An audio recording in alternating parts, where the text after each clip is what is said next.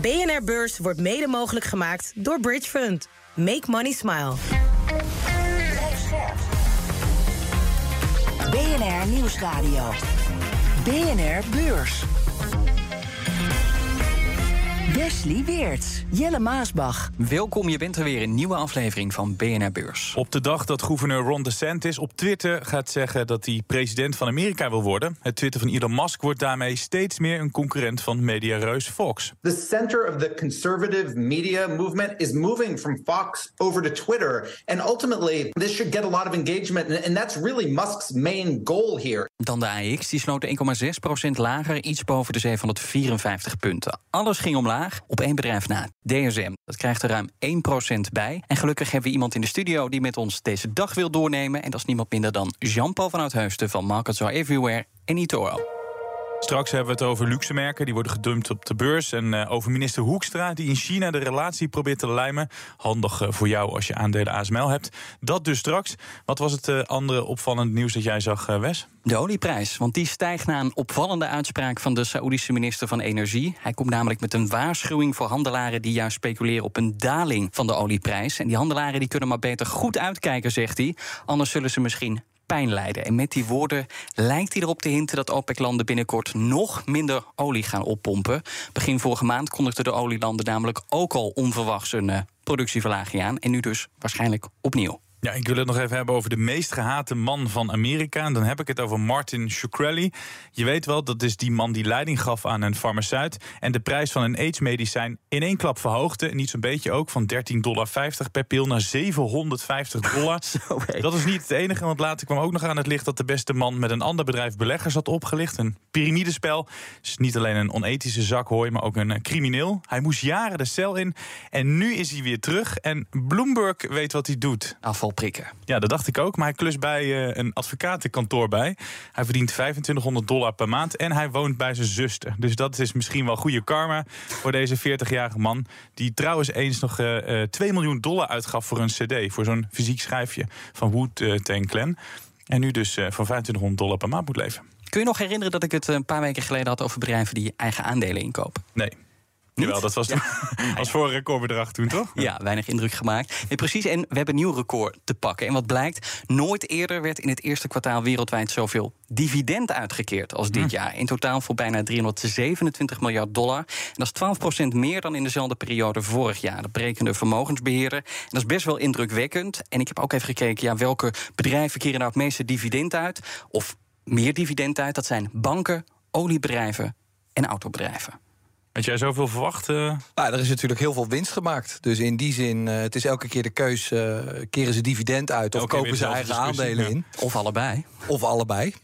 maar het is een indrukwekkend bedrag, meer dan ik had verwacht. We hebben allemaal wel eens een rotdag, maar Bernard Arnault die had hem in extreme. Een dure dag wel te verstaan. De Fransman die werd gisteren 10 miljard euro armer. Dat allemaal omdat zijn LVMA op de beurs onderuit ging, net als andere luxe merken. Enorme verliezen voor die bedrijven. Analist Jos Versteeg die zette gisteren in BNR Beurs al het verlies op een rijtje. Hermes, daar begon het mee 7% naar beneden. Dat is echt wel spectaculair. LVMA 5% en Moncler ook 5%.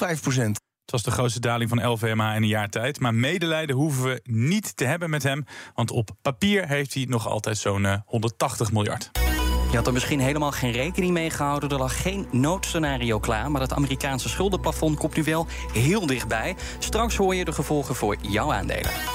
En toch nog even over die luxe aandelen. Beleggers die schrokken over een aantal zaken. Zo zijn analisten van Deutsche Bank somberder geworden over de sector. En er is een nieuwe coronagolf in China. En dat kan ervoor zorgen dat de tassen en sjaals van Hermes en Louis Vuitton minder worden verkocht. Of, eh, dacht ik Jean-Paul, nemen beleggers gewoon winst? Want die aandelen die zijn zo eh, gigantisch gestegen. Ja, dat is uh, zeker wel iets wat, uh, wat meespeelt. Uh, kijk, bij die luxe aandelen is het zo, dat hebben we in het verleden wel gezien. Die kunnen zeg maar wel tegen een stootje. Ja. Hè, want ze hebben goede merken, dus daarom blijven die producten wel gevraagd. Ook als het wat minder gaat. En ze hebben ja, pricing power, hè, dus dat is allemaal wel goed. Maar ze kunnen alleen niet tegen een crisis. En dat is toch wel een teken nu uh, ook richting dat schuldenplafond. Dat de spanning gewoon wat begint op te lopen. Uh, dat mensen denken, ja, ik kan ze houden. Maar uh, ik heb ook wel eens een keer gehoord, als er paniek komt, kan je maar best als eerste panikeren. En dat de mensen gewoon wat winst nemen. Ja, dus het is misschien dan ook wel logisch. Maar was die liefde voor die bedrijven dan voor korte duur... of komen die misschien wel weer terug? Nee, die komen altijd wel weer terug. Kijk, het is wel grappig. Het, uh, nou, toevallig, maar we hebben uh, drie weken geleden bij eToro hebben we daar ook een onderzoekje naar gedaan. En als je historisch kijkt, dan zie je dus die, uh, die luxe goederen, die noteren eigenlijk altijd met een premie op de beurs. Dus als je kijkt naar koers-winstverhoudingen, de afgelopen tien jaar zijn die over het algemeen zeg maar 45% duurder. Mm -hmm. nou, nu de afgelopen periode was die premie opgelopen naar 65%. Ja, dus dan is het ook logisch dat mensen wat winst nemen. Tijdens de coronacrisis, toen zakte het wat terug, maar niet heel veel. 33. Maar in de, ten tijde van de financiële crisis was die premie helemaal weg. Ik noemde net een aantal gevaren. En jij hebt het over die recessie. Is die angst voor een recessie groter dan bijvoorbeeld die nieuwe uitbraak van corona in China?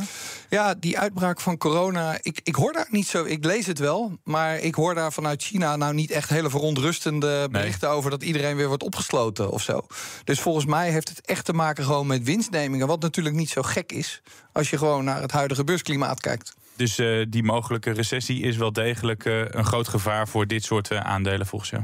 Nou ja, in, in ieder geval dat ik denk dat mensen er nog niet per nee, rekening mee houden. Maar de kans begint gewoon toe te nemen. Zei JP Morgan vandaag ook weer. Van, joh, dat kans dat ze er met het schuldenplafond niet uitkomen. wij denken van wel. De kansen nemen toe en daarmee ook de spanning. Iets anders dan. De toekomst van ASML, het risico van China voor onze economische veiligheid en de techoorlog tussen Amerika en China. De lijst met lastige onderwerpen is lang en op al die punten botst ons land met de Chinezen. Reden voor minister Hoekstra om af te reizen naar China. We the world we're facing a number of pressing, pressing international issues and we've a shared responsibility to resolve them. Het is voor het eerst sinds de coronacrisis dat een lid van het kabinet in China is. Hoe belangrijk is dat bezoek van Hoekstra, Jean-Paul? Uh, nou ja, de, de, we staan hier als beleggers. Uh, als belegger is het totaal niet belangrijk. Volg je het? Uh, nou, vanaf de zijlijn. Ik bedoel, je kan er niet omheen, want het, het, het haalt natuurlijk het nieuws.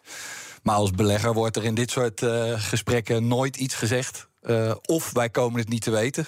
Ja. uh, of je kan er verder niks mee. Maar het draait wel om dossiers die ook relevant zijn voor beleggers. Bijvoorbeeld ASML. Jawel, maar hij gaat natuurlijk in zijn huidige rol als minister van Buitenlandse Zaken over de verhoudingen. En niet over uh, de deal die eventueel wel of niet wordt gesloten.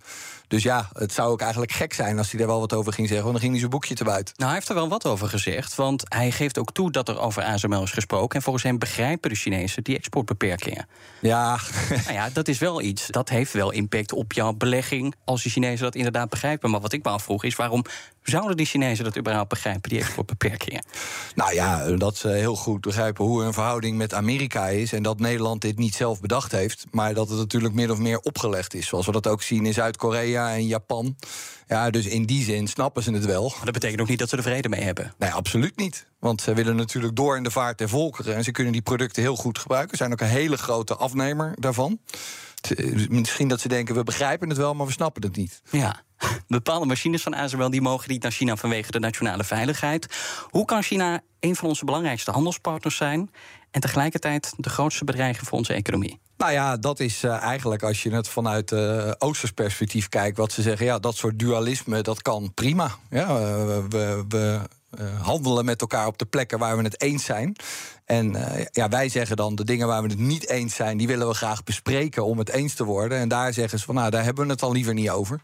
Ja, dat is natuurlijk van uh, door de eeuwen heen dat dat langs elkaar heen gebeurt. Amerika en China handelen ook volop met elkaar. En die zijn het soms ook heel erg oneens. We hebben wel eens van die handelsdelegaties, hè, dat de bedrijven meegaan met zo'n minister. Moet het niet gewoon uh, een beleggersvereniging meegaan die uh, een beetje zicht houdt op wat er besproken uh, wordt? Want het is wel, ja, beleggers die willen ook wel, wel duidelijkheid. Ook welke machines uiteindelijk wel en niet naar China mogen. Nou ja, als je dan ergens mee mee mag, dan zijn die handelsmissies natuurlijk wel interessant. Want ja. dat zijn natuurlijk wel de plekken waar de basis wordt gelegd voor deals. Waar ja. gewoon zakenmensen aan tafel zitten die ook beslissingen kunnen nemen. En ook investeringen kunnen doen of kunnen ontvangen. Ja. Denk jij dat uh, China en Nederland uiteindelijk wel een beetje uitkomen achter de schermen met die gesprekken? Ja, ik hoop het wel, want het is gewoon een ontzettend belangrijke handelspartner. En denk alleen maar aan de ambitie die niet alleen Nederland, maar Europa heeft op het gebied van klimaat. Ja. Die Chinezen die hebben alle spullen die we nodig hebben om dat uh, te doen. Dus als er dadelijk geen grondstoffen en geen, uh, ja, geen goederen meer doorkomen, ja, dan gaan we dat in ieder geval niet halen. Dus alleen vanuit dat oogpunt al, en dat is natuurlijk maar één gebiedje is het gewoon heel erg verstandig om wel gewoon uh, door te gaan daar waar het kan. Nou ja, en we zien natuurlijk tussen Amerika en China ook dat die relatie echt heel erg slecht kan worden wanneer je elkaar maar constant bestookt met allemaal beperkingen. Eerder deze week sloeg China nog terug in die chipoorlog door het Amerikaanse Micron in de band te doen. Moeten wij als Nederland voor soortgelijke acties vrezen? Kijk, um, er is op dit vlak van die chips niet zo heel veel, uh, volgens mij, wat men daar kan doen. Wij leveren hele hoogwaardige producten die ze gewoon tot in lengte van dagen, uh, nou, voor lengte van dagen, voorlopig in ieder geval gewoon erg graag van ons willen hebben. We hebben niet echt een doelwit waar de Chinezen uh, zich op kunnen focussen. Nee, en ze, ze, ze, kijken natuurlijk naar de zaken waar ze zeggen van, nou, daar zijn we inmiddels zelf ver genoeg en die kunnen we wel vervangen. Ja, en dat Micron, dat zal ook zeer zorgvuldig zijn uitgezocht, neem ik aan. Ja, er zijn alternatieven, makkelijk alternatieven te vinden voor dat bedrijf. Is dat wat je wil zeggen? Ja. Nou, over die chipoorlog gesproken, want als de Amerikanen doorgaan met hun strijd tegen China, dan kan dat gigantische schade veroorzaken aan de Amerikaanse techsector. En daarvoor waarschuwt de topman van Nvidia tegen de Financial Times. En volgens hem gaan de Chinezen uiteindelijk zelf maar chips maken als ze die in Amerika niet kunnen kopen. Is dat inderdaad een risico? Ja, dat is zeker een risico. En ze zullen niet alles kunnen doen. Hè. Die machines van ASML namaken, zoals ze vaak gezegd, dat duurt wel wat langer. Dat voordat ze dat kunnen. vandaag op morgen. Maar die chips van Nvidia, uh, daar heb je een Chinees bedrijf, uh, ja, Byren Technology. Die zijn in 2019 begonnen.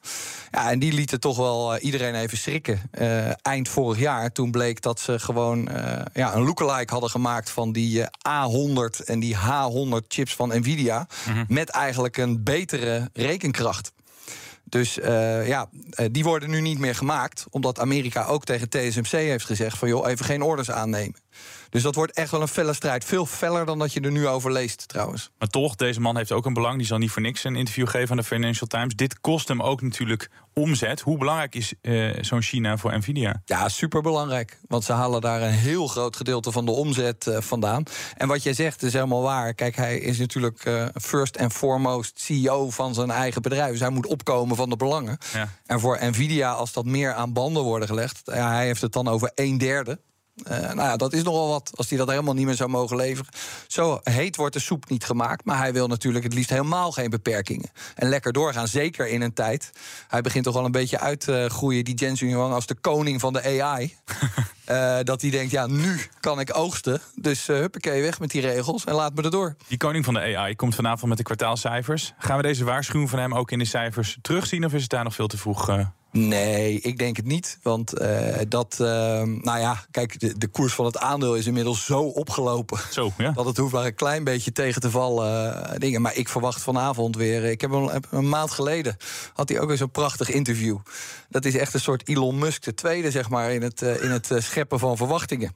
Sinds begin dit jaar heeft het aandeel er bijna 110% bij gekregen, het aandeel Nvidia. Ja. Dat is gigantisch. Maar dat is ook omdat hij gewoon zegt van... Uh, want dat vroeg dus zo'n verslaggever. Die zei van, goh, Nvidia, wat, wat voor bedrijf zijn jullie? Zei hij eigenlijk van, nou ja, weet je... Als, als problemen eigenlijk niet meer op te lossen zijn... dan komen mensen naar ons, want wij kunnen dat wel. Uh, als ze te veel energieverbruik vinden, dan komen ze naar ons... want wij maken het energiezuinig. En het is ook nog eens heel goedkoop. BNR Beurs. Wall Street dan, alles in het rood. De Dow Jones staat 0,8% in de min. De S&P 500 0,9%. En de Nasdaq levert bijna 1% in. En beleggers kijken onder meer uit naar de notulen... van de laatste rentevergadering van de Fed. En die notulen die wordt later vanavond vrijgegeven. De hoop is dat die aanwijzingen bevatten... of de Amerikaanse centrale bank de rente wel of niet verder gaat verhogen. Ja, warenhuisketen Kools valt op. Het bedrijf kwam totaal tegen de verwachting in met een kwartaalwinst op te proppen. En ze houden vast in de outlook. Nou, beide hadden beleggers niet verwacht. En wat gebeurt er dan? Dan gaat de koers omhoog. Bij opening 18%, meer dan 18% in de plus. Maar het enthousiasme is wel wat in elkaar gezakt. Het staat nu nog 5,5% in de plus. BNR Beurs.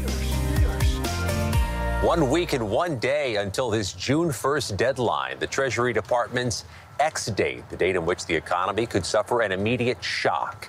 Het Amerikaanse schuldenplafond komt akelig dichtbij. Nog maar zeven dagen en dan wordt Amerika een wanbetaler. Beleggers die worden steeds uh, nerveuzer omdat er nog altijd geen akkoord is over de verhoging van het plafond. Beurzen in zowel de Verenigde Staten als in Europa onder druk. Ja, eerst maar even, wat betekent een Amerikaanse schuldencrisis voor beleggers mocht het zover komen? Nou ja, het gaat er eigenlijk niet eens zozeer om of het zover komt of niet. Kijk, het is wel duidelijk. Dus of ze komen er niet uit. Nou ja, dan uh, krijgen we iets wat we nog nooit hebben meegemaakt. Maar ook als ze er wel uitkomen, ja, dan gaat er gewoon een, een heel groot stuk af van de geplande overheidsbestedingen. Dus je krijgt er linksom of rechtsom altijd mee te maken. Ja, ik las uh, dat enige gemiste betaling wereldwijd voor een kettingreactie uh, kan zorgen. Waarom is dat dan zo'n gevaar voor het financiële systeem? Nou ja, als mensen daardoor in paniek raken, dat ze zeggen: Goh, we kunnen Amerika dus niet meer vertrouwen. Dus alle mensen die nu nog eens op hun rekening kijken en zien dat ze Amerikaanse staatsobligaties hebben. Ja, en dat zijn er nogal wat. Ja, uh, wie weet. En je ziet dat dus nu al terug. Kijk, eigenlijk gaat iedereen ervan uit dat er wel een akkoord komt. Maar op de website van de St. Louis Fed, hè, dat is een van die individuele Feds, daar heb je ze dus het plaatje staan van de staatsobligaties die nog één maand lopen. Dus dat zijn degene die, als ze er dadelijk niet uitkomen, ja. Niet worden betaald. Ja, daar stond gisteren de rente op 6 Zo. Dat is echt duidelijk meer ja. dan dat je zou verwachten. Dat is ook niet de marktrente. Maar je zegt iedereen gaat er zo wat van uit dat het wel goed komt. Maar dan is het gevaar dus dat het ook zomaar niet goed kan komen. En dan zijn de gevolgen niet te overzien. Ja, maar ja, dat zijn van die scenario's hele kleine kans. Daar kan je eigenlijk niet op plannen. Uh, dus het is ook niet in het belang van de Republikeinen om het te laten klappen. Het lijkt mij ook niet in het belang van Biden. Dus nee. uiteindelijk zullen ze last minute wel iets zeggen. Maar de verschillen zijn natuurlijk enorm. Maar je zei net ook, als ze er wel uitkomen, dan gaan we dat ook merken. Maar hoe gaan beleggers dat dan vervolgens merken in hun uh, beleggingen? Nou ja, die Republikeinen die zullen erop aansturen dat ze zeggen: joh, dus luisteren, er moet heel veel af van de geplande overheidsbestedingen. Uh, ja, die hebben natuurlijk hun agenda eigenlijk een maand geleden al gepresenteerd. Ik kan me voorstellen, we horen daar nu niks over, maar dat diezelfde items weer op tafel liggen. En het eerste wat dan aan de beurt is, is de, de ja, investeringen in duurzame energie. Alles wat groen is. Daar zijn die koersen op de, van die aandelen natuurlijk ook sinds 2020, 2021 heel hard omhoog gegaan. Ja. Ja, daar moet je wel even kijken. Waarschijnlijk zal niet alles te afgehaald worden, maar daar moet je wel even heel goed mee uitkijken nu. Voor welke bedrijven vrees je dan specifiek? Nou ja, de, de, de bedrijven die uh, in uh, elektrische auto's zitten, die in uh, waterstof zitten. Nou ja, kijk, ja, dat zijn natuurlijk altijd van die grote bedrijven die komen zonder ook wel een end. Maar ja, als daar die, die subsidies bijvoorbeeld, die nu gepland staan tot voor de komende tien jaar, als die uh, worden gehalveerd of zelfs helemaal verdwijnen, ja, dan zullen mensen daar toch op voor sorteren. Ja, we zeiden het eerder al, deze aflevering. Veel professionele beleggers die hebben geen noodscenario liggen. Erkent ook Erik de Graaf van ING Investment Office eerder in BNR Beurs. Het is niet iets waar wij, waar wij wakker van liggen, waar wij verwachten dat dit grote problemen gaat geven of waar we uh, strategieën op afstemmen. Als we even gaan naar dat noodscenario, wat zou er in moeten staan? Nou ja, dat zie je nu al. Nog elke dag een heel klein beetje. Kijk, naarmate het elke keer weer een dag uh, verder komt, gaan beleggers zich steeds meer zorgen maken. Ja, dan kan je het rijtje weer opnoemen. Dan moet je kijken naar de goudprijs. Dan moet je, dat klinkt heel uh, paradoxaal, maar toch kijken naar Amerikaanse staatsobligaties. Wat toch wordt gezien als een, uh, een vluchthaven. dus naar de, naar de veilige dingen. Had jij verwacht dat die Amerikanen het zover zouden laten komen? Want je kan op een gegeven moment een beetje te druk opvoeren. Het is ook politiek, maar kom je eruit? Maar zeven dagen voor de deadline nog steeds pakkeleien. Ja, dat hebben we toen met, uh, ten tijde van Obama hebben we dat toch ook gezien. Ja, en uh, dat was eigenlijk hetzelfde laken en pak. Nou ja, daar ging geloof ik uiteindelijk uh, over tien jaar verdeeld zo'n 1 biljoen dollar van de overheidsbegroting af. Mm -hmm. Zo'n 100 miljard per jaar. Nou ja, nu hebben ze tijdens die coronaperiode wel heel veel geld gealloceerd. Dus misschien is het zelfs nu nog wel wat meer. Ben je ook bezig met je noodscenario of nog niet? Nou, je houdt het wel in de gaten. Maar ik ga er nog steeds vanuit uh, dat, er, dat er wel een deal komt. Dus ik, ik sorteer er niet op voor dat ik denk van het raakt nu helemaal in paniek. Maar je volgt de markten met dit soort uh, dagen wel extra goed. Nou, je refereerde net nog even naar het Obama-tijdperk. Wat was toen de reactie op de, op de beurs? Want dan weten we misschien een klein beetje wat ons uh, te wachten staat. Nou, toen ging het ook uh, uh, wel duidelijk allemaal wat naar beneden. Maar je moet gewoon kijken naar de sectoren die geraakt worden. Kijk, omgekeerd, als die Republikeinen, die hebben natuurlijk ook nog een agenda dat ze eigenlijk meer uh, gedaan willen hebben voor de olie- en gassector. Uh, ja, er zijn ook. Uh, onder, je weet helemaal niet of dat erin zit of niet. Maar die zouden er misschien zelfs van kunnen profiteren. De verwachting is dat ze er niet op dit moment nu uitkomen. Uh, dat het nog wel een aantal dagen gaat duren. En dus moet je er als belegging ook wel rekening mee houden dat het nog ja, een beetje bumpy, bumpy ride wordt de komende dagen op de beurs. Ja, je ziet gewoon elke dag dat het langer duurt. Neemt de spanning toch wat toe. Dan mensen gewoon, ja, uh, ook statistisch zeggen van ja, dan wordt de kans groter als er echt een deadline is. En die deadline is natuurlijk ook maar de vraag uh, wanneer die nou echt ligt. Maar uh, daar moet je wel rekening mee houden. En totdat die zekerheid er is, wat moet je doen terwijl het dus onzeker is? Ja, dat hangt af van je eigen strategie. Het is nu een soort stilte voor de storm. Je kunt zeggen van joh, ik loop zelf even het lijstje langs van de dingen die ze waarschijnlijk gaan korten. Uh, daar neem ik al afscheid van of dat breng ik terug. Uh, je kunt net als dat we het net hadden over de luxe goederen, gewoon wat winst nemen op posities waar je toch heel veel uh, gemaakt hebt. Ja, je kan ook denken, joh, ik ben belegger voor de lange termijn.